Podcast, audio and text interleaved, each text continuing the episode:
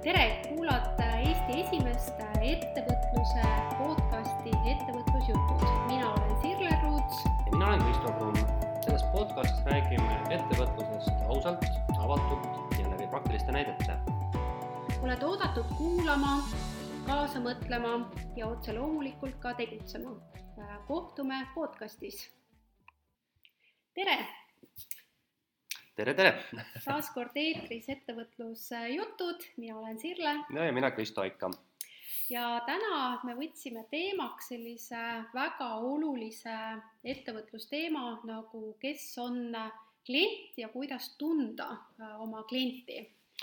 elust enesest, eks ole, et meil on ütleme nii, et ühelt poolt koolitajatena kogu aeg tulnud seda teemat ette kanda ja sellega tegeleda ja ma saan aru, et küsimusi on ja, ja ettepanekuid on ka tulnud sel teemal jaa, äh, sellepärast et ega ju ettevõtlus saabki kliendist alguse, et kui ei ole klienti, siis ei ole ka ettevõtlust, et seega oli aeg see teema siis võtta lauale. muuseas, see, see tundub nii triviaalne, tegelikult see ei ole niimoodi. mina küll olen nagu avastanud vahest, et, et see, et nagu, et noh, et ettevõtluse jaoks on klienti vaja, et see mõnikord mõnele inimesele tundub veel niisugune, et aa, passoo et kuidagi tundub, et see, see on nagu niisugune, tuleb nagu avastada uuesti mm. -hmm. aga vahepeal siis, kuidas meil on läinud äh,, Kristo? tead, no ma mõtlesin, nagu ikka, meil on selline komme, et me mm, vaatame tagasi ajas või natuke ettepoole ka ja siis mõtlesin, no millest võiks siis seekord rääkida ja ma ei ole ilmselt originaalne ja teistpidi minu jaoks teema, millega ma olen varem tegelenud, on elukallidus ettevõtjana, ehk siis tähendab seda, et et noh, me kõik tajume, et eks ole, meie kulud kasvavad, sellised kulud, mida me ka ei saa kuidagi alla viia, noh näiteks kui sa ma ei tea, sõidad autoga, sul on tööalaselt vaja, siis noh, ega sa bussiga ei hakka selle asemel kaupa vedama, kui sul on autoga vaja kaupa vedada, eks ole ju, kütusehinnad ja muud asjad. ühesõnaga, eh, mis on see minu avastus, avastus oli see, et, et ma ei ole siiamaani vaata eriti palju pidanud muretsema selle üle, et kas ma müün oma toodet ennast liiga odavalt või kas ma oma aega eh, mitte nagu valesti ei ajasta. et mul on üliharva olnud olukordi, kus ma olen tegelikult näiteks ütleme, oma tööle peale maksnud, on olnud olukordi, kõige rohkem on seda olnud äriplaani kirjutamisega, kus ma vaatan, et või noh, kuidagi nagu mitte isegi vaata, vaid lepid kokku kliendiga, et noh, see ongi niisugune väike, väike, väike töö, jah, tuleb välja, tegelikult kirjutad kogu plaani ümber. et seda on juhtunud, aga koolitustega ei ole.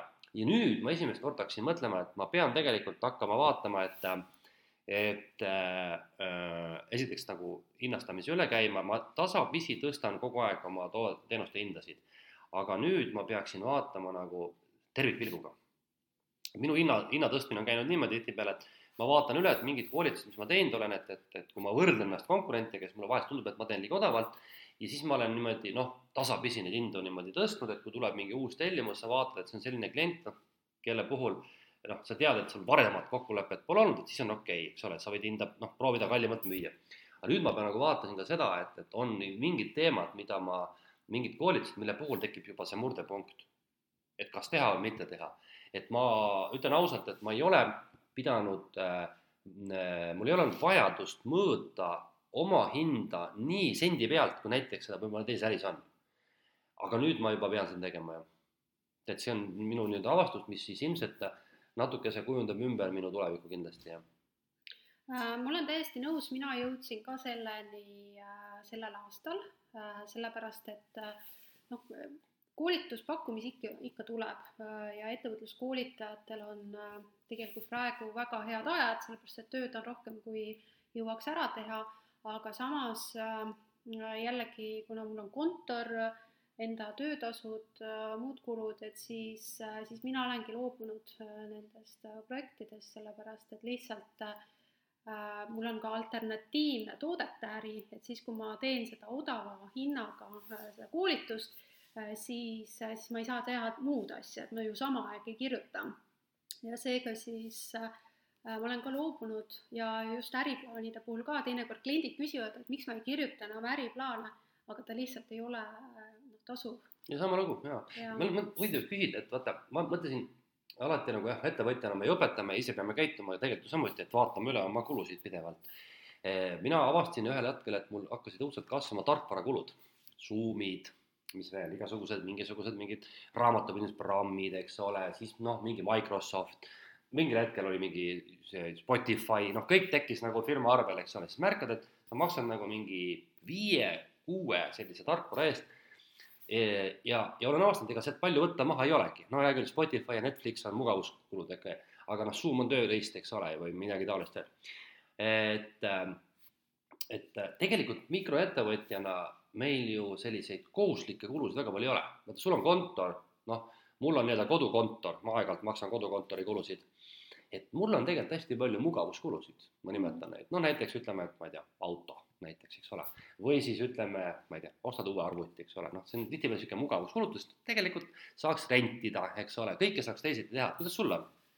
No tänasel hetkel, kuna koolituste puhul ma tõmban ka natukene hoogu maha, siis äh, kontor on kindlasti mugavuskulu praegu Äh, millega ma tegelen. eks sellest saad loobuda, eks ole? sellest ma saan jah ja, loobuda, kuna ma saan kirjutada ilusti ka ükskõik kus kohas. üks sõber just ütleski, et ahaa, et hakkad kirjutama, et siis sa pead hakkama reisima, et siis tekib nagu inspiratsioon, on ju. aga mm, kui tulles tagasi, et kuidas on läinud, see kulude teema on tegelikult hästi aktuaalne, võib-olla peakski ühel hetkel äh, sellest eraldi rääkima, kuigi me oleme raha teemast rääkinud. meil jookseb see tegelikult igalt poolt sisse, aga kui nii-öelda kui näiteks meil tekib mingi tagasiside, ma arvan niimoodi, et me võiksime teha niimoodi, et kui nüüd kellelgi on konkreetne küsimus, et me ei hakkaks nagu niisama odutama, et võib-olla mhm. mingi konkreetne küsimus, et vot siis äkki sellest hargneb välja mingi teemade plokk, et me siis teeme nii-öelda nagu siis nende sellise üleskutse endale mm. -hmm, jaa, aga minul äh, on läinud selles mõttes väga nagu põnevalt, et äh, et ma sain lõpuks ometi oma magistritöö esimese versiooni äh, valmis, mis on võimalik ka ära esitada, aga tänasesse teemasse väga hästi haakuv on äh, kliendi küsitlused, ehk siis ma viisin läbi siis magistritöö raames intervjuud. Ja sageli ju alustavad ettevõtjad või ettevõtjad, kes siis arendavad oma tooteid ja teenuseid, siis esimene soovitus on ju alati, et küsi kliendi käest, et mida ta vajab. ja noh, mina siis äh, magistritöö raames pidin seda tegema ja ma olen ju oma klientidele ka alati öelnud, et tehke kliendi küsitlusi, et vastasel juhul ei saa raha. ja ma olin äh, väga hämmingus sellest tulemusest, sellepärast et ma tegin viisteist intervjuud ja viienda intervjuu puhul ma sain juba aru, milles on probleem. kas ülejäänud kinnitasid sinu siis seda? Mm -hmm. see on päris hea, see on tegelikult noh, mõnes mõttes nagu hea tulemus ja teistpidi, aga kas ei olnud ka mitte oodatud? ähm, ütleme niimoodi, et äh, ma ise arvasin äh, võib-olla äh, seda probleemi liiga laialivalguvalt okay.. ehk siis klient või siis see intervjueeritav, noh, kuna mina tegin tee, teemas, väga konkreetses teemas selle magistritöö, et ma uurisin e-koolituste siis tarbimisharjumusi, siis kliendi intervjuud viisid selle teema hästi konkreetseks. Nad ütlesid täpselt, mis on probleem mina arvasin, et see on võib-olla üleüldisem või laiem, milleni äh,, mida ma läksin siis uurima, aga, aga jah, et, et nendest intervjuudest tuli välja täpselt see, mis on probleem, mis on see vajadus. Ja seega siis äh, juhul, kui siis ettevõtluses näiteks toodet või teenust arendada, siis tänasel hetkel ma ütlen, et, äh, et tee intervjuu, võta viis inimest minimaalselt ja, ja tee see tund aega igaühega ja saad kohe teada, on ju aga lähme siis tänase teema juurde, et klient ja kuidas siis äh, valida klienti ja kuidas teada, kes on meie klient. et äh, alustame üldse niisuguse filosoofilise küsimusega, et äh, milline on üldse kliendi roll ettevõtluses? noh, ma võib-olla siis alustan ka veel filosoofilisemalt, et äh, tegelikult noh, iga, vabandust, loll sõna, loll saab aru, et noh, klient on vajalik, kes ostab. aga tegelikult see on natuke nagu konksukasi, sest vaata, meil on olemas äh, äh, ütleme, ostuteoorias kaks põhjust, miks me midagi ostame, need on vajadused ja soovid. noh, me sinuga käime ka toidupoes, teised käivad ka, kui nad leiba ostma, siis ilmselt ei pea see kauplus meile tegema hullu turundust, et meil on leib müügil, eks ole, sest et see on vajadus, meil tekib mingi ostuharjumus, me hakkame seal käima, ehk siis ütleme nii, et, et noh, see on nagu olukord, kus sa muidugi uue ettevõtjana pead ennast just nagu õigustama, sul on nagu palju lihtsam turule tulla tootega, mis on vajaduspõhine. noh, sa tead, et inimesed ostavad seda, ainukene asi, et sa pead nagu noh, siis jälle moodusõna positsioneerima õigesse kohta, näiteks teed oma toidupoe sinna, kus konkurente ei ole, oletame, eks, ja näed, et on uus mingi elamu rajoon või inimesi rohkem, hakkad seal piima, leiba, saia müüma, noh, sa ei pea väga palju uurima, et kuule, Sirle, mis leiba ja miks sa leiba ostad, eks ole. nüüd teine pool on need soovid, kus on hoopis teine asi, kus sa pead nagu inimesele, kõigepealt on see, et inimene ei vaja seda toodet otseses mõttes tal on mitte valik, kas valida seda toodet või toda, vaid tal on valik, kas üldse mitte osta. ja vot siis tekib nagu see küsimus, et nüüd on vaja keskenduda sellele kliendile hoopis ju detailsemalt. ehk siis esimene olukord on see, et sul piisab tegelikult kliendi tundmisest sellest, et sa, ma ei tea, kaardistad ära statistika järgi, kui palju seal inimesi elab, mis on need ostujõud, eks ole, kas on mehed-naised. ja siis vaatad, kas on nagu sobilik kliendigrupp. teisel puhul pead sa sukelduma selle inimese tarbimisharjumustesse. ehk siis see nii-öelda minu jutu selline lõppresümee on selline, et kui su toode on vajaduspõhine, siis sa tegelikult äh,, sulle piisab kliendi tundmisest ainult sellistest võib-olla nii-öelda just nimelt nagu kvantitatiivsetest numbritest. ja sa tead, et klient ostab ehk et nii-öelda toode on äh, nõudluspõhine. kui sa võtad teise poole, et tegemist on soovidega, kus inimene ei pea seda ostma ja tal on valik mitte ainult konkurente, vaid selle vahel, kas osta või mitte osta, siis sa pead mõistma, mis on selle kliendi käitumise taga ja tegemist on pakkumispõhise äriga, kus sina pead kliendile tegema selgeks, et kuule, ilma selleta sa ikka elada ei saa. et noh, ma arvan, et sellest hakkab asi pihta mm. -hmm. kui ma ise mõtlen oma kliente koolitustel ja kui ma neid nõustan, et et kas siit saaks järeldada seda, et kui on selline vajaduspõhine äri, et siis kui me võtame näiteks Maslow vajaduste püramiidi, et siis klient lahendab mingit konkreetselt noh, näiteks füsioloogilist vajadust on ju, või terviseprobleem on tal, et eh, ilma selleta ta ei saa või selle lahendamiseta ta ei saa kuidagi elada, aga soovipõhine selline äri eh, on seotud rohkem niisuguste emotsionaalsete vajadustega, et kas ma olen õigelt teinud? ja, ja tegelikult ma olen seda nüüd ise mm, laiendanud, seda teooriat veel niimoodi, et mina ütlen niimoodi, et et eh, minu kontseptsiooni järgi inimesed ostavad kolme põhjusel, on praktilised, jälle taas leib, sai, vorst, juust.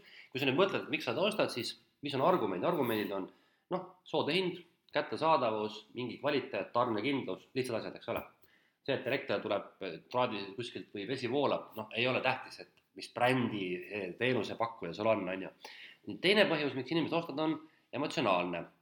ehk siis tegelikult ma ütlen, et see on pigem nagu siis nii-öelda noh, ta on küll psühholoogiline, aga pigem emotsionaalne see tähendab seda, et näiteks noh, me kõik tahame, mina nimetan et me tahame endale pai teha. sa vaatad peeglisse, tahad endast tunda hästi. ja kuidas sa pai teed? Lähed, paned ilusasti riidesse, on ju, lähed meeldivasse restorani no,, käid, vaatad näiteks, käid kontserdil, saad lood oma emotsiooni ja eelkõige saad sellepärast, et saad iseennast hästi tunda. ehk siis me ostame asju ja tarbime teenuseid mitte sellepärast, et meie otseselt nüüd nagu ellujäämine sellest sõltub, aga me tahame ennast hästi tunda seda ma nimetan siis emotsionaalseks ostmiseks. ja siis on veel sotsiaalne ostlemine, mille eesmärk on siis, et kui ma vaatan peeglisse, et ma ise tunnen hästi, ma tahan, et teine, kui mind vaatab, tunneks ka, et vot, sa oled tõesti tubli. eks see on see vastupeegeldus ja selle taga on see, et me oleme kõik vaata sotsiaalsed olendid. me, me tahame kuskile kuuluda ja me tegelikult ka kuulume kuskile. ja kui sa nüüd mõtled, kui palju on inimeste elu seotud selle kuuluvustunde rõhutamisega, no näiteks ütleme, et ma olen mingi öko selline inimene, noh, mõtle ise, eks ole, käin riides vastavalt, ostan sellist toitu, sõidan terve talve jalgrattaga ringi, eks ole, niisugune keskkonnafanatt. või näiteks ma olen niisugune õudselt rikas, ostan Ferrari, mitte sellepärast, et mul seda vaja oleks, ma näitan, et ma olen rikas, eks ole. või näiteks ma olen õudselt sportlik inimene, kogu aeg teen sporti, kõik pildid on spordist igal pool trennisaalis, see on tegelikult sotsiaalne näitamine, see ei ole üldse mingisugune muu põhjus. et need on need kolm põhjust tõepoolest, et noh, et, et, et ja nüüd sa mõtled siis igal sellel nagu asjal on oma nagu kliendi tundmise taust, eks ole, et sa pead nagu minema kas rohkem või vähem kliendi või kliendigrupi nüüd mingite käitumisharjumuste ja profiili sisse no siit me jõuame selle teemani, et äh, hästi oluline on ikkagi tunda oma klienti. igal juhul. ehk siis, äh, mis on sageli äh, äriplaanide puhul näiteks probleemiks, et miks rahastajad ei anna raha, on ju see, et äriplaanis on toodud et minu klientideks on kõik inimesed, kes vajavad minu toodet või teenust, et tundub tuttav mhm. sõnastus mm,? jaa, on küll tuttav jah. ma arvan, et ma ise olin ka kunagi selline kindla pealinn, ma arvasin, et kõik ostavad ja milles küsimus. ja minul on endal praktikas tegelikult sama kogemus ja ma arvan, et sellise kõik kliendid äh, ämbri äh, on kõik ettevõtjad läbi teinud, et ma mäletan, kui ma alustasin oma ettevõtluskoolitustega, see oli äh, nüüd seitse aastat tagasi siis mina siis võtsin selle fookuse, et Eestis on viiskümmend kaks protsenti täiskasvanud inimestest, kes tahab või soovib hakata ettevõtjaks ja mina võtsingi, et nemad ongi minu kliendid, et siis ma vaatasin, et noh, et see on, kui palju on täisealisi mitu, mitusada tuhat sa sõid siis? et see oli kuskil üle kolmesaja tuhande no, inimese. tohutu turg tohutu turg, jah.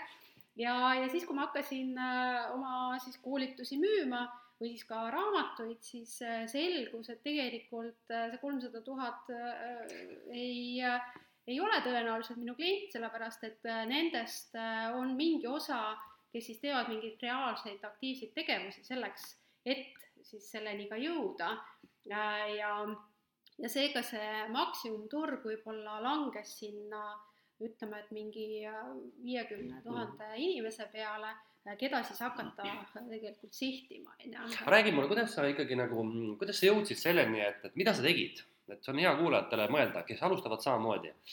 võtame suvalise tooteenuse sa teed sellise jämeda arvutuse, saad, ma ei tea, kolmsada tuhat, viissada tuhat inimest.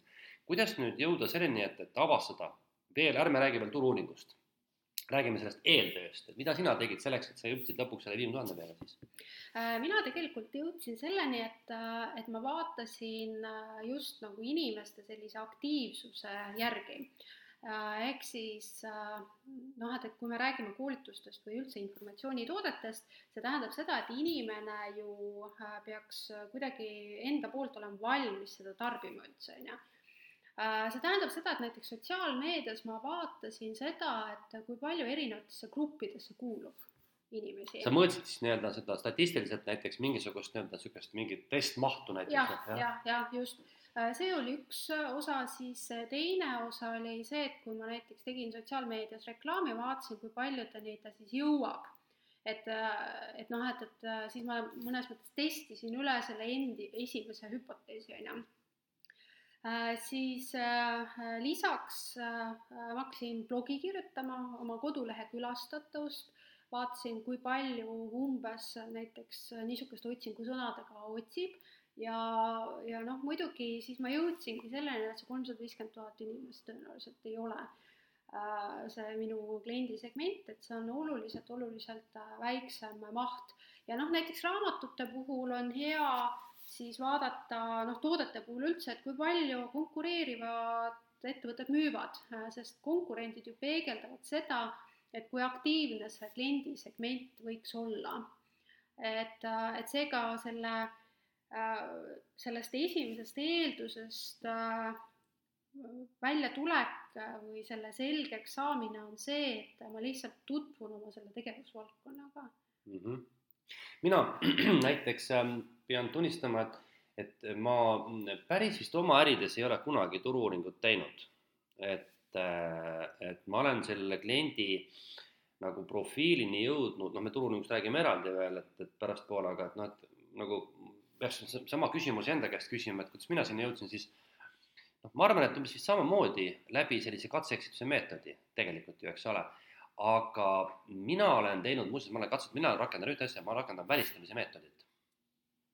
Ehk siis, kui ma võtan sellesama näite nagu sinu puhul, siis mina kunagi mõtlesin, noh, mina võtsin niimoodi, et minu kliendiks on nagu ettevõtted esialgu. ma fokusseerisin ettevõtetele, kuna ma olin koolitajana koolitanud pigem ettevõtjaid, mitte selliseid avalikke koolitusi. no ja siis ma mõtlesin, et no kes on see kooli, eh, minu klient, siis ma noh, putsusin välja, et on sellised firmad, teistsugused kolmandat sorti firmad. ma välistasin kohe väga suured äh,. mingi Swedbanka ja Tallinki ma välistasin. kahel põhjusel, esiteks sellepärast, et mul ei oleks mahtu neid koolitada ja teiseks mm, ma arvasin ka, et, et ma ei ole nagu, mul ei ole nagu neile midagi sellist anda, et nad võiksid vahetada oma tänaseid koolitajaid. ma ei näinud seal nagu seda turueelist, eks ole. Et ma otsustasin, et ma praegu nendele ei, fokusseeri, muuseas vahemärkusena, see on jälle niisugune teadlik võib-olla enesepiiramine, sest mul oli, kunagi ma otsisin endale ühte nagu inimest tööle ja siis oli mul kandidaat olemas, kes oli tegelikult väga terav, tema ütles kohe, et aga miks sa ennast niimoodi välistad, miks sa neid välistad, vastupidi, võtame need suured ette. Ja, ja siis ma tegingi sellised grupid, eks ole, et noh, et, et vot on niisugused ettevõtted, niisugused, niisugused. ja ma alguses katsetasin pigem selliste keskmise suurusega ettevõtete nagu najal aga, aga siis tuli välja, et tegelikult turg ootab hoopis seda, mis me sinuga teeme, alustavad ettevõtjad, keda on äh, tuhandeid ja tegelikult kellel ta otsa ei saa, noh, maht ei saa kunagi otsa. aga nüüd see on tegelikult ju teadlik valik, et äh, neid on palju, aga nende ostujõulisus on madal versus neid ettevõtteid on vähem, aga ostujõudlus on kõrgem, eks ole. et see on nüüd tegelikult ju nagu, see ongi see otsus, eks ole. et, et, et, et noh, kellele siis sa fokusseerid, jah jah, et, et selle kliendi tundmine on ikkagi hästi-hästi oluline ja see esimene eeldus, äh, et minu kliendiks on kõik äh, inimesed või ettevõtted, äh, kui me võtame sellise sihtturu või oma kliendi valiku loogikat, see on esimene samm tegelikult, et, et mis, milline see koguturg on? Ja seal võibki tegelikult olla ju, et see koguturg ongi Äh, ma ei tea, Eestis elavad eraisikud või siis ettevõtted äh, või siis mingi valdkond näiteks, äh, ehk siis, ehk siis ma panengi selle esimese suuna paika, aga mis on sageli probleem ja mis on selline ämber, on see, et jäädaksegi sinna kinni, ehk siis sealt edasi ei minda, et selle kliendi tundmisega. aa, okei, et, et, et mitte detailseks ei minda ja., jah mm,? nõus et noh, see on see, et, et kuidas nagu siis täpsemalt, eks ole, nüüd oma kliendi käitumisest teada saada, aga ma tegelikult hüppaksin korra veel korra algusesse, mul oli üks mõte. et kui ma rääkisin sellest, et minu nagu sellise mudelamise järgi on, eks ole, kolme sorti ostupõhjuseid, siis mina väidan seda, et, et mitte küll kõikidel, aga väga paljudel ettevõtetel on ise õigus otsustada, kes on klient. et tegelikult vaata, ei ole olemas ju sellist asja, et, et kuskil istub ja ootab mingi seltskond, kes on minu kliendid et tegelikult ju oled sa nõus, et vaata, see tuunimine on sinu töö, sina ise ju tuunid, et, et kui sa võtad näiteks, ütleme, et sul on näiteks, ütleme, vot mingi toode, siis sa tegelikult saad selle toote tuurida selle kliendigrupi vajadusteks. et mina pööran selle vastupidi, ütlen niimoodi, et mõelge selle peale, mis ma ennem ütlesin, et ostetakse kolme osas, praktilised, emotsionaalsed, sotsiaalsed. kui te nüüd mõtlete, et sünnib mingi uus toode või teenus, siis tegelikult mina ütlen alati, et mitte keegi teid ei oota, mitte kellelgi pole teid vaja ja turg on kõik täis Teid ei ole mitte kellelegi vaja. mis on natuke šokeeriv, et kõik ju tahaksid osta, ei taha. aga kuidas siis tahta, tahta sedamoodi, et sa pead nüüd võtma ja leiutama selle toote nüüd vastavalt selle sihtgrupile ja sina otsustad, kas see toode peab tagama selle praktilise vajaduse, emotsionaalse või sotsiaalse. tegelikult sina lähed seda klienti ise turult otsima, mitte tema ei otsi sind ja sina ise tuunid selle ehk siis noh, ma tahan öelda seda, et, et mitte ei ole olemas kuskil üks kliendigrupp, kes ootab eh, ja sina pead viima nad kokku, vaid sina ise otsustad, milline toode on ja millisele kliendile see on eh,. aga nüüd, mis on see küsimus, mille, mis on tegelikult alusküsimus, on see, et aga see on see, et me ei tea, kas ta tegelikult seda tahab, eks ole, me tegelikult ei tea. me otsustame sinuga, et me hakkame koolitama selliseid firmasid, noh, teeme kõiksuguse statistika ära ja usume, et me tuunime oma toote sellist nagu vaja, aga ega me ei tea ju, eks ole. Nagu sa tõid näite selle enda uuringuga et me teeme e-koolitusi, me arvame, et see grupp seda tahab ja me teeme kõik selleks, et neile selgeks teha, et see on äge asi, aga me tegelikult veel ei tea, mida ta tegelikult hindab, on ju. Äh, jah, ja selleks äh, on võimalik erinevaid tegelikult meetodeid katsetada, et äh, ennem siis võimalikult palju infot saada selle kohta, et kas kliendil on ka see ostuvalmidus, ehk siis äh, noh, kui kliendil on vajadus ja probleem ja me teeme selle lahenduse, siis, äh, siis selge on see, et me peame viima kliendini ja see ongi turundus tegelikult, mida kõik ju ettevõtjad kardavad. Äh, sest ma olen päris sageli kuulnud äh, lauset, et ma hea meelega teen seda oma toodet ja teenust, aga oleks keegi, kes turundaks. või müüks, või müüks, jah, see müük on vastik tegevus, on ju. just, just, et, et seega siis äh, Äh, kui juhul, kui siis seda turundust ei tule ja turundus peab alati olema nende sõnumitega äh,, miks siis klient seda ostab, on ju, kas siis äh, sotsiaalsed, mhm. praktilised mm -hmm. või siis emotsionaalsed vajadused. et ma toon siin näite enda raamatu, esimese raamatu müügist äh, ettevõtjaks palgatöö kõrvalt ja mina mm, siis alguses, kui ma siis selle raamatu välja tõin, siis minul oli ka see, et äh, noh, viiskümmend kaks protsenti inimestest tahab, täiskasvanud inimestest tahab hakata ettevõtjaks. ja noh, seega enamus nendest, kui vaadata äh, asutatud ettevõtete arvu, ongi palgatööl.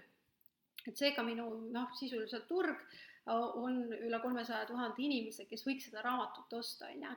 Äh, noh, tegelikult äh, see reaalsus oli teine, see tiraaž oli tuhat tükki ja tänaseks on ta ära müüdud, et siin on veel viis-kuus raamatut alles, aga siis ma mäletan seda turundust, äh, ehk siis äh, ma tegin sotsiaalmeedias, Facebookis reklaami, noh, sisuliselt reklaami esimene sõnum oli see, et osta raamat, hakka ettevõtjaks palgatöö kõrvalt, seepärast et mina arvasin, et see on inimestel probleem, et, et noh, et, et nad, nad ju on öelnud, et nad tahavad hakata ettevõtjaks. Äh,. raamatumüük oli suhteliselt niru sellepärast et, et ma sain aru siis lõpuks sain aru, et tegelikult äh, ettevõtjaks hakkamine on jube tüütu tegevus. Sa pead ju seda tegema palgatöö kõrvalt enda aja arvelt, see on ebamugav, riskid, tegelikult mitte keegi ei taha seda teha, ütleme ausalt, on, on mõned entusiastid, kes väga-väga tahavad seda, aga üldiselt, kui me võtame keskmise sellise massinimese äh, siis või kliendi, et siis tegelikult ju ei taheta seda teha. Äh,. ja siis ma muutsin äh, reklaami sõnastust, täpselt sama visuaal. Ja, ja sõnastus oli see, et äh, loo endale äh, täiendav sissetulek või midagi niisugust.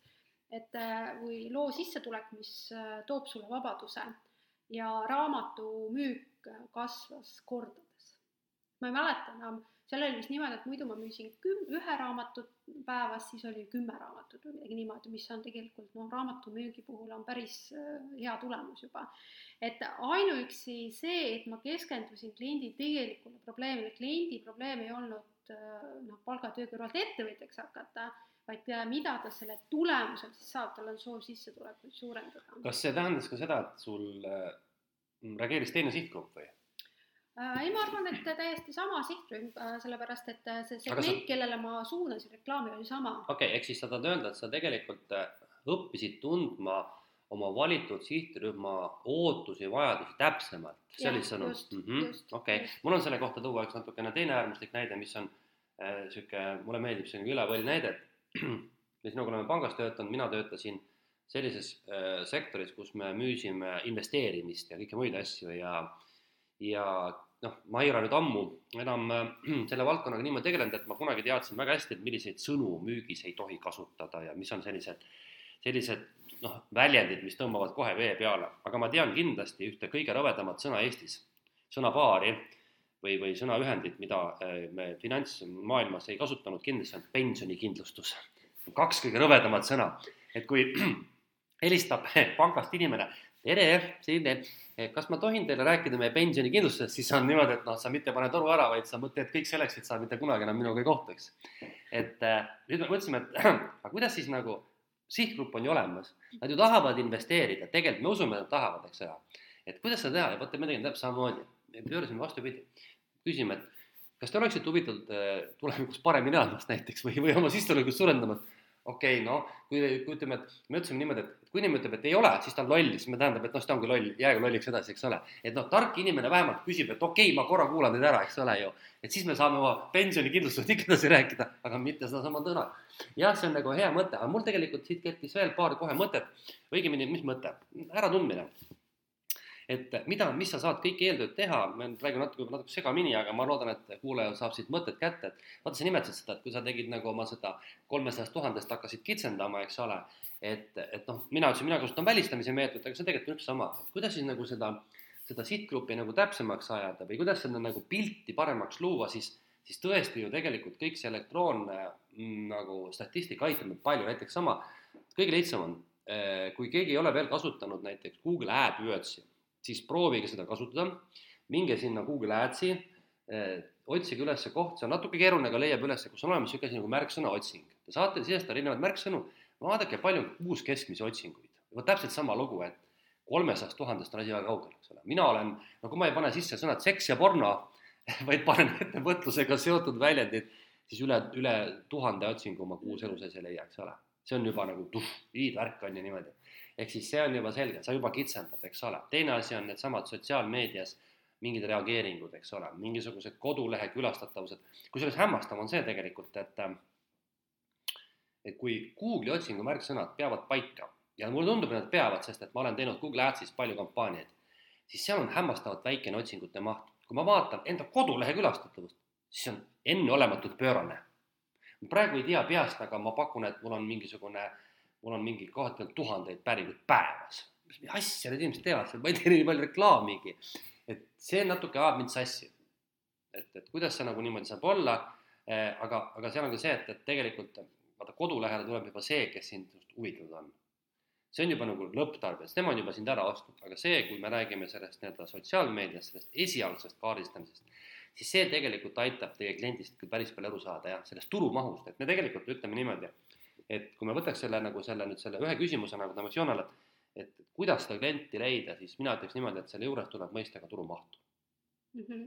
see on tükid, nagu sa välja, raamatumüük on ju, see on rahanumbrid, näiteks ütleme, et selles äris voolab Eestis, ma ei tea, miljon eurot näiteks aastas ja need on klienditükkide arv.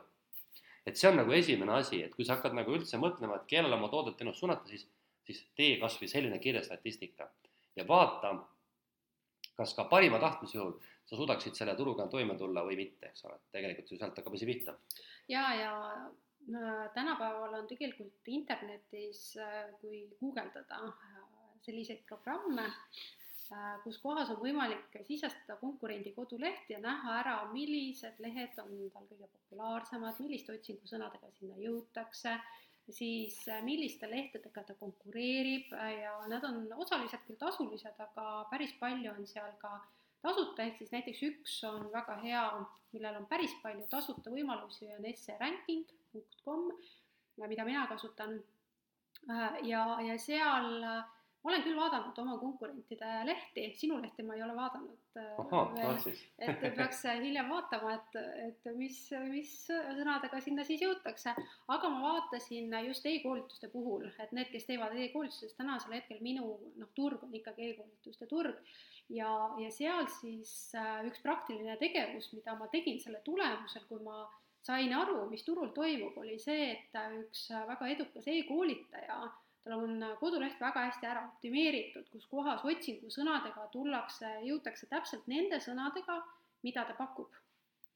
ja, ja siis ma vaatasin enda oma ja minule jõutakse täiesti arusaamatute sõnadega ja näiteks eelmine nädal ma puhastasin ka oma blogi ma võtsin sealt ära kõik postitused, mis ei ole ettevõtlusega seotud, sellepärast et nad koormavad lehte, nad tekitavad segadust kliendil, nad toovad äh, lehele äh, kliente, kes siis põrkab tagasi, ta loeb mingit äh, enesearengu teemalist artiklit ja läheb kohe ära, sest teda ei huvita.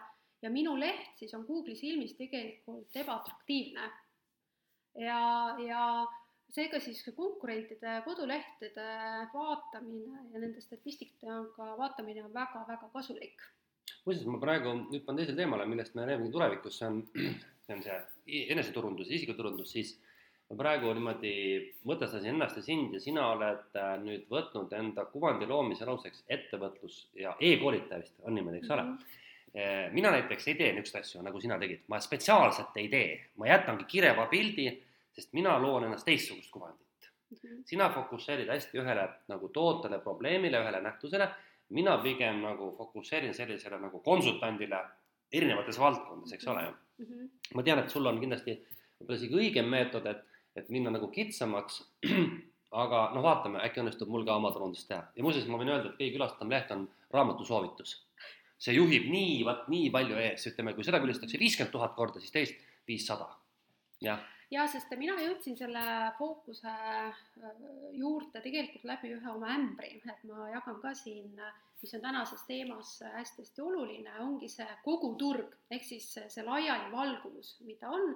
mina siis, kui alustasin koolitustega, äh, siis ma olin just ka lõpetanud või lõpetamas teraapiaõpinguid ja mul oli selline eneseotsingu aeg, kus kohas ma ei teadnud täpselt, et mida ma teen ühtpidi võiks teha ettevõtluskoolitusi, siis olid äriplaanid ja siis olid ka Äh, teraapiat äh, ja enesearengu teema. ja, ja minu kliendid teavad seda lugu, aga ma jagan siis teistele ka. Ja siis ma, mul oli hoopis teine koduleht äh,, eneseareng.ee, kus kohas tänasel hetkel see ei ole enam aktiivne, aga ma panin sinna menüüsse koolitused, teraapiad, äriplaanid, ettevõtluskoolitusi ja pakkusin ka koolitusi Töötukassa klientidele. Ja ma ei saanud aru, milles probleem on, kliente ei tule saalikoolitused, mingit probleemi ei olnud.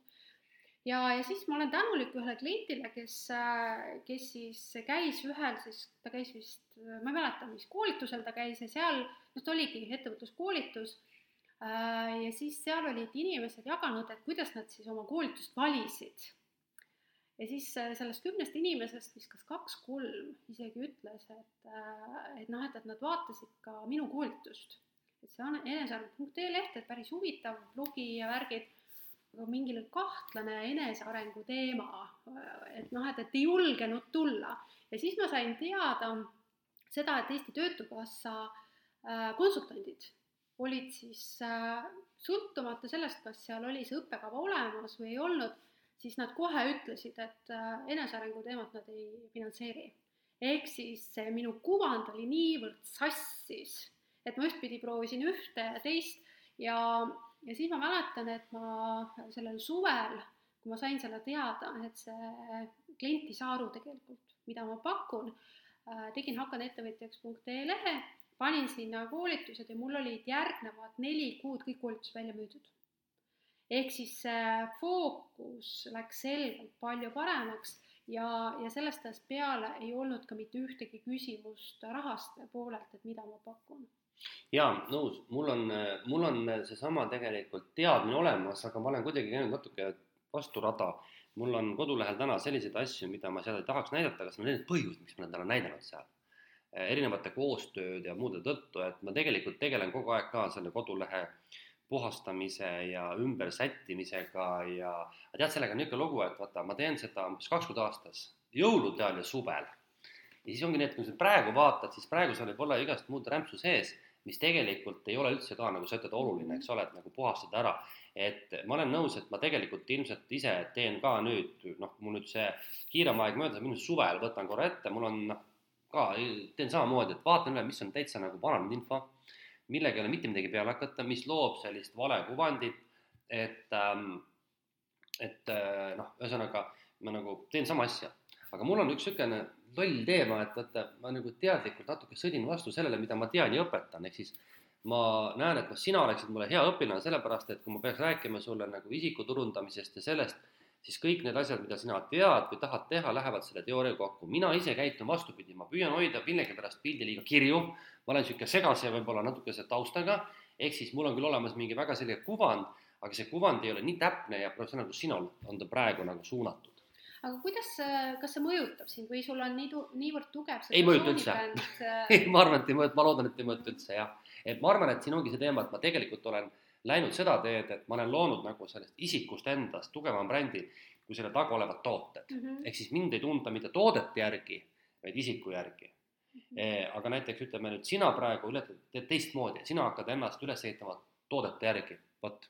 et see on nagu teistmoodi lähenemine, see ei ole halb ega hea, see ongi teistmoodi lähenemine mm. -hmm et seega siis äh, meie kuulajatele võikski äh, ka soovitada, et, äh, et oluline on see suund, et kas see siis noh, kuidas klient sind teab, on ju, et äh, öeldakse ju statistiliselt, et klient, kui ta tuleb su kodulehele, siis ta kuskil kolme sekundi jooksul teeb otsuse, kas ta on seal edasi või ei ole. Ja kui koduleht laeb aeglasemalt üles, siis tegelikult ta võib üldse ära minna, on ju et, äh, et juhul, kui siis on äh, see nimi tuntud, noh, sina oled mm -hmm. koolitajana väga pikalt tegutsenud ja sinu noh, persooni bränd koolitajana on hästi tugev, et siis, äh, siis see koduleht ongi teisejärguline, et sest ta sest ta tegelikult, seal on juba usalduskrediit olemas, on ju, et jah, ma olen teistpidi nagu see üles ehitanud mm, -hmm. aga mina tegelikult võtaks ikkagi kokku selle, et, et me oleme nüüd hästi palju rääkinud samadest asjadest, et ma kordan oma mõtet, et kui me räägime sellest nagu kliendi nagu valikust ja sellest kõigest, et, et,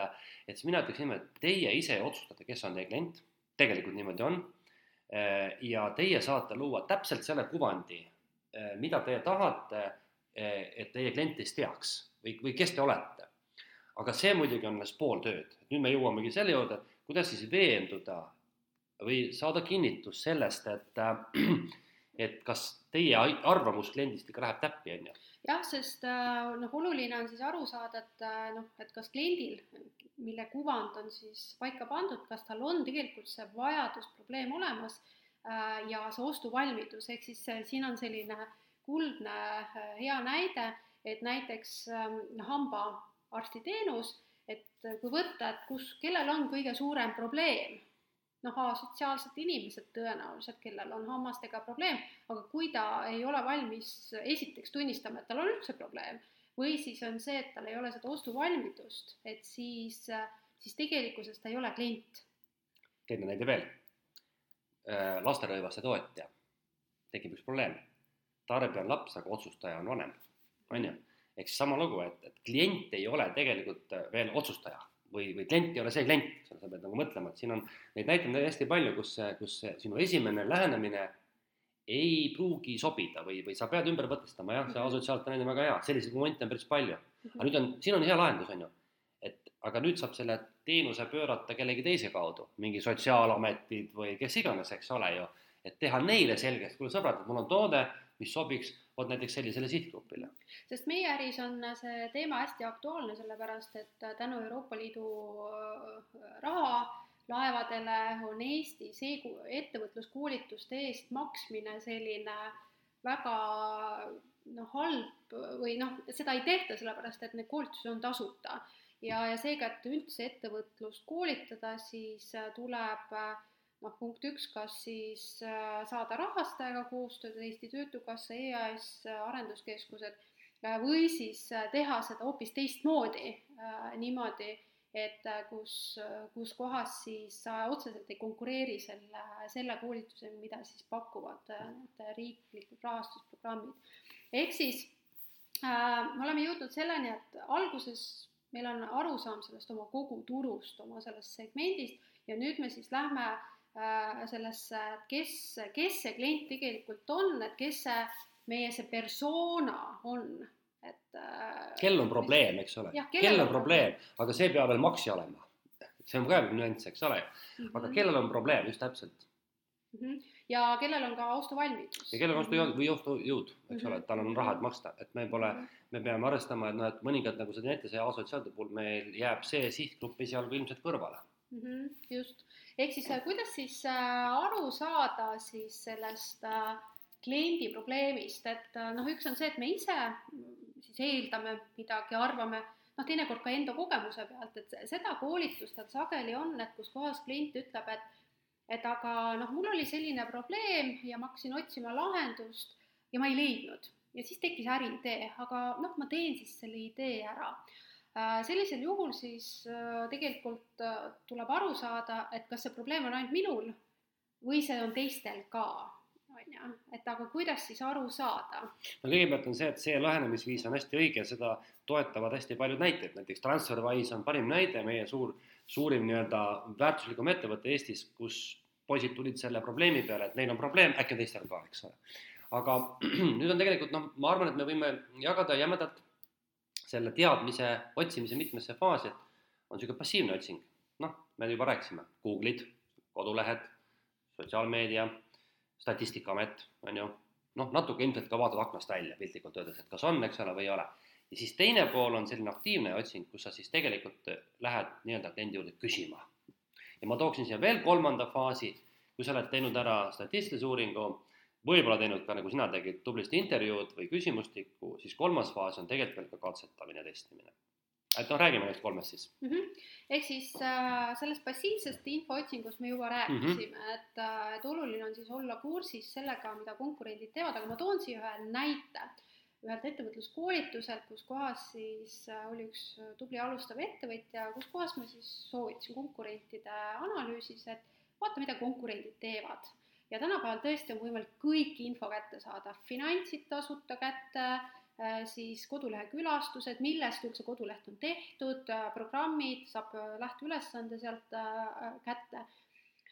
ja, ja siis ma ütlesin sellele alustavale ettevõtjale, et aga vaata, mida konkurendid teevad ja, ja see oli selline klient, kellel olid siis konkurendid olid oma sõbrad, noh, selles mõttes see valdkond oli hästi nišivaldkond ja siis ta ütles, et ma ei tee seda. ütles, et aga miks ma ei tea, kuidagi nii imelik, me saame õhtul siin kokku, meil on mingi teeõhtu, veiniõhtu ja siis ma niimoodi luuran nende järgi, et vaatan, mis nad noh, mis, kui palju nad raha saavad.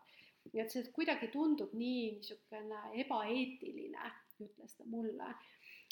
et aga ettevõtluses tasub see hirm või selline ebaeetilisus, see ei ole ebaeetilisus, see on tark ettevõtja tegevus, et sa tutvud tegelikult sellega, mida konkurendid teevad, aga räägime siis jah, sellest, sellistest aktiivsetest tegevustest, sest minu kogemus koolitajana on see, et kui on vähegi võimalik, siis neid välditakse, neid ei taheta teha, sellepärast et alustajad ettevõtjad ütlevad, et aga miks ma pean seda tegema. noh, sinul on hea näide, on ju mina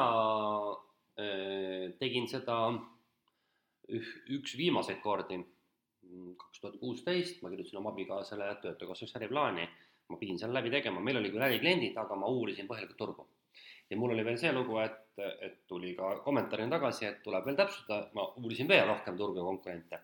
ehk siis noh, mina tegin seda siis niipidi, et mina läksin, läksin, lähtusin sellest nii-öelda sellisest kõigepealt statistilisest uuringust ja me viisime läbi sellise internetis küsitluse Äh, oma toodete või oma siis nii-öelda selle konkreetse toote nagu niisuguse vajaduse uurimiseks, see oli hästi lihtne, me lihtsalt tahtsime teada, kas üleüldse huvi on olemas toote vastu ja kes vastavad, kaks põhiasja. ehk siis meil oli tegelikult see, et meil oli, meie turg oli piiratud geograafiliselt äh, ühe nii-öelda piirkonna, Keila linnaga.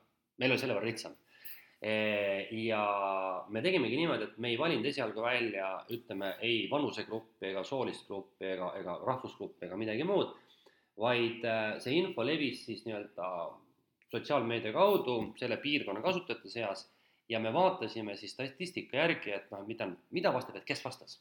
ja sealt hakkas kujunema see kliendi profiil, ehk me tegime siis niimoodi, et noh, meil oli ettekujutus, et meil on toode, mis võiks sobida Keilas elavale naisterahvale sellises vanuses, see oli meie eeldus. Noh, me lõime toote sellise eeldusega ja nüüd meie turu-uuringu eesmärk oli kontrollida, kas tegelikult see sihtgrupp sihtgrupp tahab sama asja saada, et see on nagu niisugune lihtne näide, mida ma olen ise kunagi oma elus, noh, see on viimane, mis mulle tuleb siin meelde. Äh, aga minu tudengid ja minu koolitatavad teevad muidugi seda iga kuu, piltlikult öeldes, aga noh, see oli minu üks näide praegu, praktiline mm. -hmm. Äh, mul on siis endal noh, nüüd näide mm, selle intervjuude läbiviimisest ja ja ma väga-väga soovitan äh, tegelikult neid teha, aga minu kliendid teevad ka kliendiküsitlusi Äh, ettevõtluskoolitustel väga pika hambaga nii-öelda, et nad ei taha seda üldiselt teha, sellepärast et ma ise arvan, et seal on alati mõnes mõttes, äh, kui ma vaatan, on selline hirm, äh, et äkki nad vastavad niimoodi, et mu äridel ei olegi mingit vajadust näiteks, või siis on teine, mis takistab, on ego, ehk siis selline perfektsionism kus kohas noh, perfektsionismi sees on alati selline kontrollivajadus ja hirm ka, on ju, aga, aga see selline ego, et ma ju tean tegelikult väga hästi, miks ma seda teen, on ju.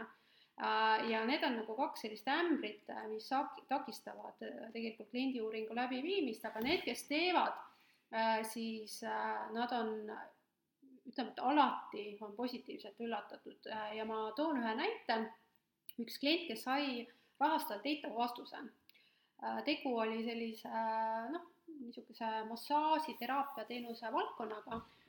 Ja, ja tema esialgses äriplaanis oli siis see, et ta oli selline noh, fännas seda teraapiateenust lihtsalt, noh, ta oli niimoodi noh, läbi ja lõhki terapeut. ja siis oli massaažiteenus kõrvale. ja rahastaja väitis, et kuna see teraapiateenus oli hästi uus, innovatiivne suund oli äh,, ütles, et äh, ei ole teada, et sellel kliendil see vajadus on olemas ja siis äh, ta ei olnud teinud kliendiuuringut ja me tegime kliendiuuringu no, selle, selle vajaduse siis tuvastamiseks, et kas seda, selleks teraapiaks on äh, seda vajadust või ei ole. ja selles kliendiuuringus selgus, et äh, kliendid tegelikult on valmis ostma massaažiteenust, ütleme, et kaks korda kuus, teraapiateenust üks kord kvartalis. ja nad tulevad mas-, teraapiasse siis, kui nad juba tunnevad seda terapeuti ja me pöörasime äriplaanis ümber niimoodi, et me tõime põhiteenuseks massaaži ja siis selleks lisateenuseks teraapia, ta sai rahastuse. Äh, ehk siis äh, mõnes mõttes äh, selles kliendi tagasisides selgus tegelikult, millele seda fookust võtta. see ei tähenda seda, et teraapiateenus oli halb, aga see lihtsalt turg kasvab ja see on noh, niimoodi olemasolevale püsikliendile loodav nagu väärtus pigem, on ju ma täiendan sinu, ma arvan, et, et ma ei ole kunagi mõelnud vaata selle peale, et, et mikspärast inimesed ei taha seda uuringut teha, aga ma arvan, et, et ma arvan, et see on õige, sealt ongi see ego, eks ole, ja see, et äkki nad ei tahagi osta. Ma arvan veel, et, et seal on nagu selline tunne, et nad, et üks jube imelik on küsida, on ju, et nagu narr, et noh, et, et ma nüüd tulen küsima, kuulge, kas te ostaksite seda, eks ole, osta element ära. ja kolmas on veel või neljas on see, et, et tead, paljud kardavad, et äkki kõik saavad teada, mis ma äri teen, siis pole enam saladus. mis jutt see on, eks ole, et keegi varastab ära, et see on mul see, see oli kunagi õudne hirm, et keegi varastab mu idee ära. ärge sellepärast muretsege, ei varasta keegi teie ideed ära.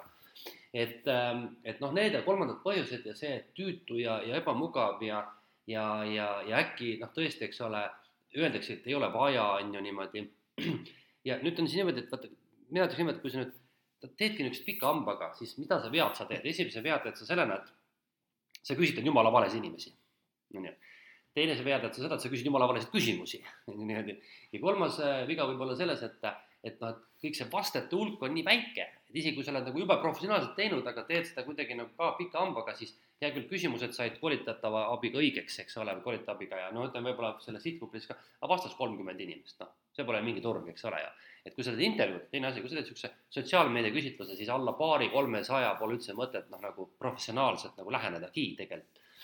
et need kolm asja tegelikult võivad teha olukorra, kus noh, tööd on hullult tehtud, aga tulemust üldse pole no mina olen soovitanud niimoodi, et kui on, kui on see turg väga hästi paika pandud, näiteks noh, niisugune nišiturg on ju, et siis juba saab mingit infot, noh nagu ülikoolid soovitavad, ütleme, et alates viiekümnest, noh, ütleme, et sada inimest võiks ikkagi sada võiks olla jah, jaa, sada võiks olla, just, just. aga kui on massturg, äh, see tähendab, et, et neid kliente ongi palju, noh, ongi näiteks, et hakkan leiba mm -hmm. leidma küp-, küpsetama ja müüma seal piirkonnas, et siis neid vastu, vastajaid võiks olla tegelikult äh, noh, ikkagi oluliselt rohkem mm. -hmm.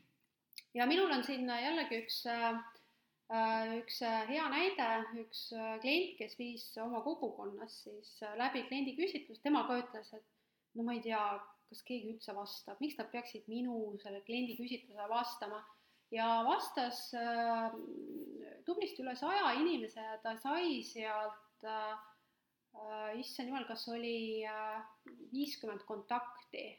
et niimoodi, kui on kogukonna ärid, et äh, pigem on hea, et sa ütled, mida sa hakkad tegema, kogukonnas alati on see kuuluvustunne, see sots-, sa mõnes mõttes müüd seda sotsiaalset vajadust ka ja, ja tõesti, see oli hästi-hästi positiivne näide. see polnud isegi turu-uuring, see oli turundus tegelikult juba. no ta oli juba turundus, mina olen alati oma klientidele soovitanud lõppu Äh, panna ka sellise äh, üleskutse, et juhul, kui siis kliendiküsitlus on hästi tehtud äh, ja sa annad juba mõnes mõttes esimese sellise maitse suhu omale kliendile, kui see on tehtud oma klientide seas, kellel on see probleem, sa juba näitad, et sul on neile lahendus olemas, siis tegelikult lõpus võiks kliendi kontakte koguda. ja, ja need, kes on seda teinud, need on alati edukad olnud sa võid seda teha ka ümber nurga, et näiteks kui sul on kommentaare, kirjuta -hmm. mulle küsimusi, eks ole. aga kuule, räägime siis konkreetsemalt, et mis soovitusi võiks anda uuringute läbiviimisel, et mina oskan anda kvantitatiivses osas, et sina võiks siis kvalitatiivi, mida sa just tegid, et minu sellised soovitused alati, kui inimene otsustab läbi viia turu-uuringu, siis mõelge kõigepealt selle peale, et on olemas, eks ole, kahesuguseid uurimisviise, öeldakse siis nagu klassikaline selline äh, sotsiaalteaduste uuring ütleb, et meil on siis kvantitatiivsed uuringud ja kvalitatiivsed. kvantitatiivsed on siis kõik, kus sa kogud nii-öelda mahtu tegelikult, numbreid, eks ole. et äh, näiteks ütleme, mingi äh, küsimustik, mida sa jagad internetis, on klassikaline kvantitatiivne. alati on soovitus, et, äh, et pange sinna küsimustele valikuvariandid, ärge jätke inimesele vaba vormi vastust, sest siis ta ei oska mitte midagi kirjutada, teil on hiljem väga raske seda andmet töödelda. kasutage selliseid formaate nagu Google Docs või, või midagi taolist, mitte Google Docs, Google Forms mm -hmm. ja, või ka näiteks spetsiifilisi uuringu küsimustikke on näiteks Monkey Survey, ankeet.ee, neid on palju, mis on raha eest, aga võib-olla annavad midagi väärtust juurde. et kasutage selliseid keskkondi, kus te saate automaatselt kohe oma tulemused online'is, eks ole, tekivad graafikud, tabelid, nii edasi.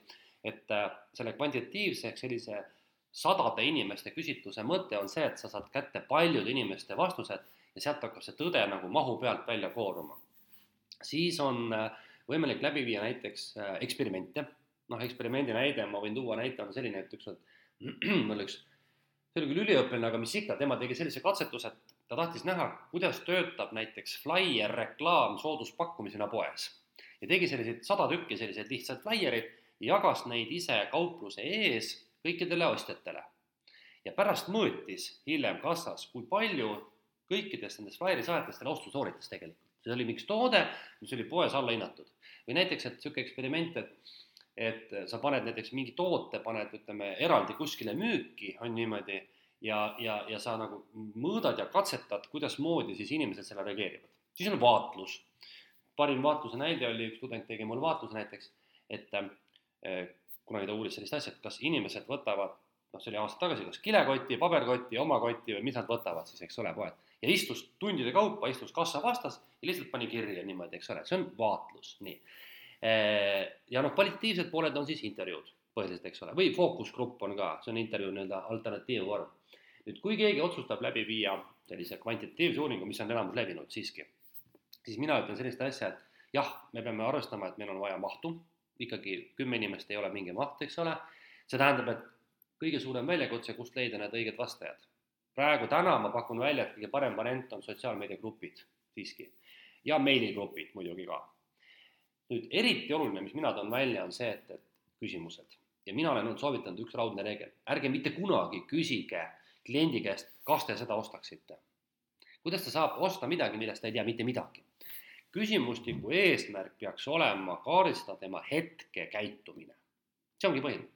kuidas te praegu seda ostate, kus te praegu käite, kus te ei käi, eks ole, mida te otsustate täna, tänane käitumine ja sealt saab alles seal teada. see, mis ta teeks tulevikus, seda ei tea mitte keegi. tegelikult kunagi keegi isegi niimoodi ära Eh, üks, üks raadiosaade oli, et, et, et, et turu-uuringud on selles mõttes mõttetud, et nad küsivad meie tuleviku kohta, me ei tea mitte kunagi, kuidas ma homme käitun. ja teatud mõttes on sellel inimesel õigus, jah. ainult et noh, see point on selles, kui sa ikka nagu küsid väga suure hulka inimesi, siis isegi kui me ei tea, mis inimene homme teeb, siis sadade ja tuhandete inimestega hakkab tegema muster, et noh, naised käituvad nii, mehed käituvad naa. aga veel kord, kui sa küsid, ma ei tea, kolmsada inimest, siis ära küsi, mida sa teeksid homme, ära küsi, mida sa ostaksid, mida ei ole veel olemas vaid põhiline keskendu selle, saa aru inimese tänane käitumine ja kas tal on see probleem. see on minu soovitus, et kvantitatiivse uuringu läbiviimisel. ja, ja noh, mina olen näinud, mis on pealmine probleem nende küsimustega, just ongi, pealmine probleem ongi küsimustega, sellepärast et mõnes mõttes äh, noh, mina olen jaotanud need nagu kahte rühma, mida tavaliselt inimesed ise teevad, äh, on see, et uudishimu küsimus ehk siis uudishimu äh, lihtsalt mingite, noh, mingitel teemadel, mis üldse ei puuduta oma seda toodet või äri, noh, seda on ju. Või siis hästi kaudselt, millest ei ole tegelikult midagi, mida, mitte midagi kasu või siis on see, et saada kinnitus, ütle jah, et sa ostad seda jah, on ju, et noh, enam-vähem niimoodi. Äh, ja, äh, ja oluline noh, näiteks kui äriplaani koostamise käigus teha ja ma ütlen, et kui me võtame rahastajatelt eitavaid vastuseid, siis tegelikult oodatakse ühte vähemalt või isegi mitut nendest uuringutest. oodatakse, et tehakse eksperimenti, tehakse vaatlust, äh, siis ähm, kliendiküsitlus on sisuliselt igas äriplaanis äh, ja noh, hea, kui isegi kõike tehakse, noh näiteks teatud äh, noh, teenuste puhul ongi see, et, et sa võib-olla lähedki vaatled, mis seal kohvikus tehakse, kui palju seal kliente käib, on ju kui on niisugune toitlustusäri. aga, aga mina siis äh, jah, oma magistritöö raames tegin siis läbi intervjuud. Ja siin noh, seal on ka intervjuudel on ka väga palju erinevaid liike, äh, aga mina siis tegin pool, pool struktureeritud äh, intervjuu, see tähendab seda, et, et mul olid küsimused ette valmistatud. on ka võimalik teha niimoodi, et üldse ei ole, et sa lihtsalt vestled oma selle äh, noh, nagu tüüppkliendiga, persoonaga, see ongi see persona, persona on siis see minu ideaalklient, kellel see probleem on või vajadus on, ehk ma olen ennem selle paika pannud, et siis on tegelikult võimalik seda intervjuud viia. Ja minul oli siis äh, lähteülesanne see, et äh,, et ma viin läbi intervjuud nende inimesega, kes on vähemalt korra osalenud siis sellel äh, e-koolitusel. ja, ja minu kogemus sellest on see, et et kindlasti võiks olla struktuur ette tehtud, sest vastasel juhul ma ise pean ennast päris tugevaks intervjueerijaks, kuna ma olen teraapias õppinud neid tehnikaid, siis need vestlused lähevad laialivalguvaks. Ja seega siis on hea, et see struktuur oleks ees.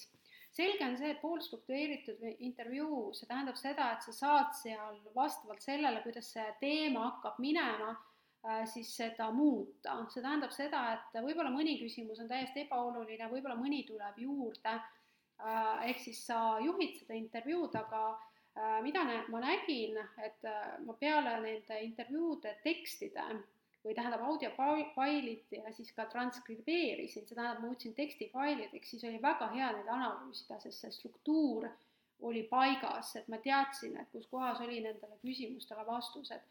Ja ja seega näiteks intervjuude puhul, kuna ma viisin läbi need oma selles ideaalkliendi segmendis, siis ma sain tõesti viienda intervjuuga selgeks, et mul ei oleks tegelikult olnud vaja viisteist läbi viia, sest äh, see probleem tuli kohe välja. kuidas sina leidsid oma need intervjueeritavad? võib tekkida ka kohe küsimus praegu. no mina leidsin niimoodi, et ma panin sotsiaalmeediasse, kuna mul on noh, ikkagi kuskil seitse tuhat inimest listis et ma panin sinna ülesse äh, lihtsalt, et äh, ma soovin viia läbi intervjuusid äh,. ma tegin ka neile kingituse, et nad said äh, minu toote äh, siis kingituseks äh, ja ma sain isegi kuskil kakskümmend sooviavaldust, et äh, ma lõpuks siis äh, piirasin nagu ajaliselt ehk siis äh, need, kellel oli võimalus äh, nendel aegadel, et need siis äh, tulid, on ju. ja kaua sul aega võttis kõik see kokku, kogu möll? no ma tegin neli päeva, hommikust õhtuni. sellega peab olema siis meie kuulaja valmis, kes soovib viia läbi intervjuud. Ma soovitan võib-olla, kui te intervjuu formaati peate liiga ajakulukaks, tehke fookusgruppi. mis tähendab seda, et te võtate need viisteist inimest korraga kokku Mhm. ja teete selle kõik kahe tunniga ära. seal on siis see asi, et ei jõua iga üksikuga detailselt rääkida, aga ma arvan, et te saate nagu selle tagasipeegelduse ikkagi samamoodi kätte. Mhm.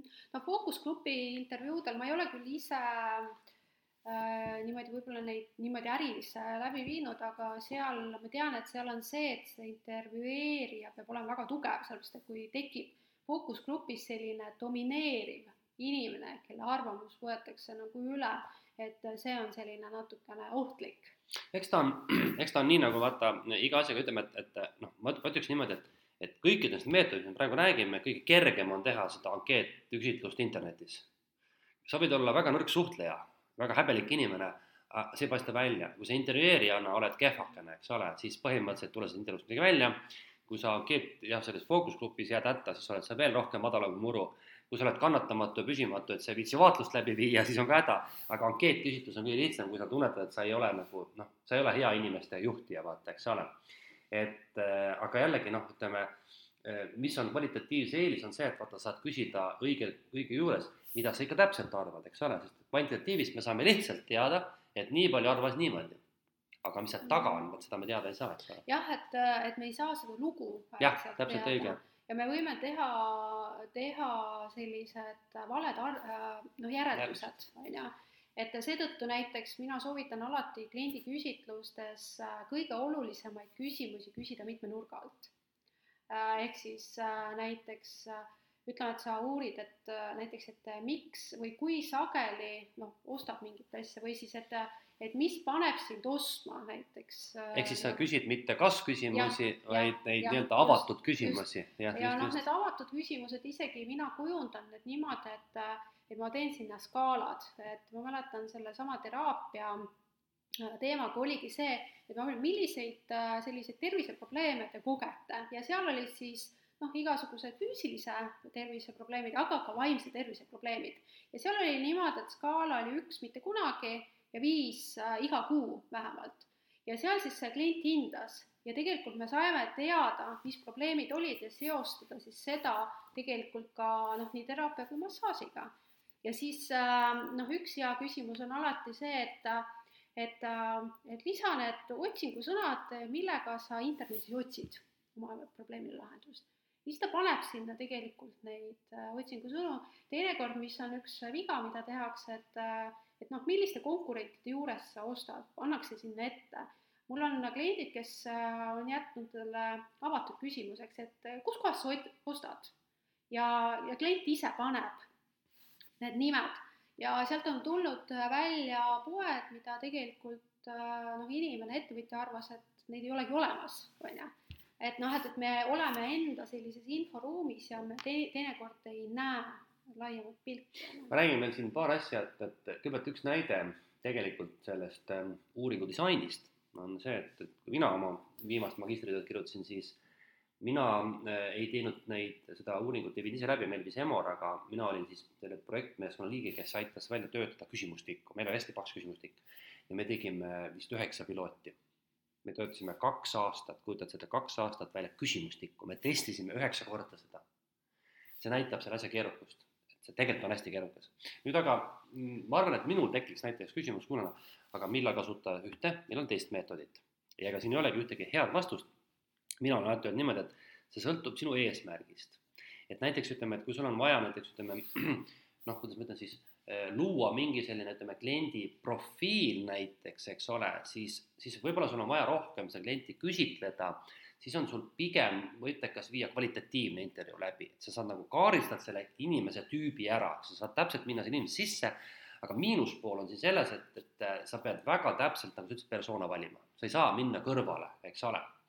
Miinus on selles, nüüd kui sa tahad näiteks saada kinnitust turu kui terviku käitumisele, siis sobib kvalitatiiv, kvantitatiivne, sest nüüd sa võtad suurema valimi, kuhu sisse satub ka neid mittepersoonasid, las ta satub sinna, aga sa kaardistad turu tervikkäitumise ära, et see sõltub hästi palju sellest mm. -hmm. jah, et, et see eesmärk on hästi oluline, et ja juhul, kui selle Äh, noh, kliendi küsimise on või selle eesmärk on lihtsalt see kaelast ära saada, noh siis ei ole mõtet äh, sellel tegemisel, sellepärast et seal taga peab olema ikkagi ettevõtja uudishimu aru saada, kuidas see klient käitub. vot sõna uudishimu on väga hea sõna ja,, jah, kui seda ei ole, siis on asi mage jah, et tavaliselt uudishimu ei ole siis, kui me ise arvame, et me teame kõige paremini, Mhm. on ju. ja, ja et see on, see on hästi-hästi oluline. et me võime öelda, et siis selleks, et klienti nagu tundma õppida, on noh, mina ütleks siis niimoodi, et on vaja kõigepealt endale ette kujutada, kes see klient on, eks ole, siis on sul vaja ette kujutada, miks ta võiks sinu käest osta, mis on see tema fookus, kas, mis probleemi ta lahendab, eks ole, eks sa tegelikult kõigepealt disainid selle kliendi nagu ise, vastavalt oma tootele. Nüüd teine variant on siis, teine samm on see, et nüüd hakata uurima. Ja see uuring võiks olla siis kaheetapiline, üks on niisugune nagu passiivne statistiline ja teine on siis see, et, et sa võimalused võiks kasutada midagi, seda, et sa lähed ise nende kliendi juurde küsima. Ja nüüd see testimine, millest me veel rääkinud ei ole, tähendab minu silmis seda, et kui sa nüüd oled selle kõik välja uurinud, siis sinu puhul, no võtame sinu näite, siis mina näeksin sinu puhul testimist seda, et nüüd sa lood valmis ühe mingi näidistoote ja sa proovid seda turundada ja müüa nüüd äh, kas siis mingi aja või mingi piiratud sihtgrupi peal veendumaks, kas sinu eelnev arvamus sellest, mida klient tahab osta, läheb ikka kokku. ja kui sa siis lõpuks veend, asi on korras, siis võid nii-öelda pauhti, eks ole, minna alles suuremaks mm. -hmm. no mina näiteks olen äh, selliste testimiste pealt äh, noh, ma testin mingit noh, mingit blogipost-, noh, et, et see on testimine mõnes mõttes on ka blogipostitus. Mm, -hmm, et mhm, ma testin, et ma noh, räägin sellest kliendi probleemist ja ma olen selle kaudu tegelikult valinud äh, raamatute teemasid ja need raamatud, mis on testimise tulemusel, noh seda, et ma testin seda probleemi äh, tulnud äh, siis või noh, mida ma olen teinud, et need on alati olnud väga edukad mina teen teste igasuguseid, ma olen teinud turunduslikke teste, ma olen teinud niisuguseid ärieksperimentaalteste ja mitte üldse alustajana, vaid kogu aeg jooksvalt mm. -hmm. ehk siis näiteks noh, minu lihtne test on selline, ma toon näite. oletame, et ma mõtlen välja uue koolituse kuidas ma nüüd veendun, kas see asi üldse töötab, kuidas töötab. ehk ma ei tea täpselt, esiteks seda, mismoodi sihtgrupp vastu võtab ja teiseks ma ei tea ka kunagi selle koolituse nagu sellist kulgemist, vaata, siis ma olen teinud sageli nii, et võtan näiteks kõige mingisuguse, kas siis usaldusväärsema või lihtsalt juhusliku valimi ja teen tasuta koolituse, näiteks ütleme pool päeva. kutsun inimesed kokku, ütlen, see ongi test. ainuke, mis ma teilt ootan, on see, et annate mulle tagasisidet. ja ma viin selle koolituse läbi nagu päris koolitusena noh, võib-olla no küsin kümme eurot, eks ole, et see on nagu testasi, ma testin, kuidas see asi töötab. ja, ja samamoodi ma näiteks testin ka mingite toodete müüki. näiteks ma praegu jooksutan päris mitut äh, niisugust kampaaniat internetis, millega ma tahan testida märksõnu, ma tahan testida toodete nagu pealeminekut nii-öelda, kliendi reaktsioone ja vahel on niimoodi, et sa näed, et, et ahah, praegu see üldse ei töötanud, nüüd me hakkame nuputama, mis on valesti, vot sina tõid näite sellest, et sul oli kodule fookus vale, eks ole. See on ka ju testimine, sa kogu aeg testid seda, sa võid teha seda alguses ja sa võid teha seda hiljem juba jooksvalt. jah, et, et seega, mis on alati või sageli äh, selliste alustavate ettevõtjate äh, soov on see, et noh, et, et ma alustan ära ja siis ma ei pea enam rohkem sellega tegelema, äh, tegelikult tuleb, tuleb selle turu ja kliendiga kogu aeg suhelda ja, ja seega see on noh, paraku ettevõtja igapäevaelu, on ju. et aga hakkame siis võtma kokku meie tänast teemat, et äh, mis, mis siis siit kõlama jäid. et äh, mis, mis on siis oluline noh, nii alustavale kui ka tegutsevale ettevõtjale, teinekord on äh, isegi tegutseval ettevõtjal veelgi olulisem noh, selle kliendiga suhtlus, sellepärast et siis on juba ju kulud ja, ja kõik kohustused ja see ettevõte peab olema jätkusuutlik, et äh, sest turg kogu aeg muutub, et ma olen vaadanud, et minu kuskil seitsme aasta jooksul ma tänasel hetkel teen neljandat muutust oma ärimudelis, on ju. no mina ütleks niimoodi, et ma hüppaks siis tagasi algusse, mida sa ise vist tõid välja, et et selleks, et midagi müüa, on vaja kliente. aga minu arusaam on selline, et, et, et need kliendid ei istu kuskil nurga taga ja oota sind, nad lihtsalt ei oota sind, see on kahju, paraku niimoodi. ehk siin on nüüd kaks varianti, et esimene variant on see, et sa pead ise nad üles leidma, aga sellest veel ei piisa, sa pead äh, neile tegema ise selgeks, et sinu toode võiks neid aidata. sest et veel rõhutan, enamustel juhtudel me ei vaja mitte midagi juurde, vaid meile kui kliendile peab keegi selgitama tulema, et sõbrad, see nüüd asi aitab teil midagi teha. aga kõige selle asja jaoks, et veenduda, kas sinu toode sobib sellele kliendile ja kas klient saab seda samamoodi aru, oleks hea mõõta ja hinnata siis, kas sinu arvamus sellest kliendist läheb nagu kor-, kokku sellega, mis klient tegelikult arvab, et see on nagu minu niisugune lühikene summary tänasest mm. -hmm ma toon siin ka ühe hea sellise praktilise soovituse, mida ma eile ühte e-raamatut või tähendab audioraamatut kuulates kuulsin, et seal oli ka see oma segmendi paikapanek. Ja siis seal oli üks harjutus, et näiteks, et kui inimene ütleb, et, noh, ma kirjutan selle raamatu, siis üks harjutus on see, et hakka küsima küsimusi, noh, inglise keeles on so what? ehk siis ja siis? Äh, ja mis siis, et sa seda kirjutad, et siis, et äh, sa pead nagu vastama, et et okei okay,, et see koolitus või see raamat aitab inimesel seda, so what, ja noh, niimoodi lähed detaili, detaili ja tema muidugi, see autor väitis seda, et tegelikult seal lõpus tuleb välja see, kas on see vajadus, sotsiaalne või psühholoogiline, äh, ehk siis ja neid siis kasutad selleks, et turundada. mina olen küsinud seda küsimust, miks sina eesti keeles mm? -hmm miks ma peaksin ostma, miks, noh, mis see point on, eks ole, miks? See ausalt ajab närvi inimesi. korra jutt on, mis miks, eks ole, noh, osta nüüd elevant ära, eks ole, miks, noh.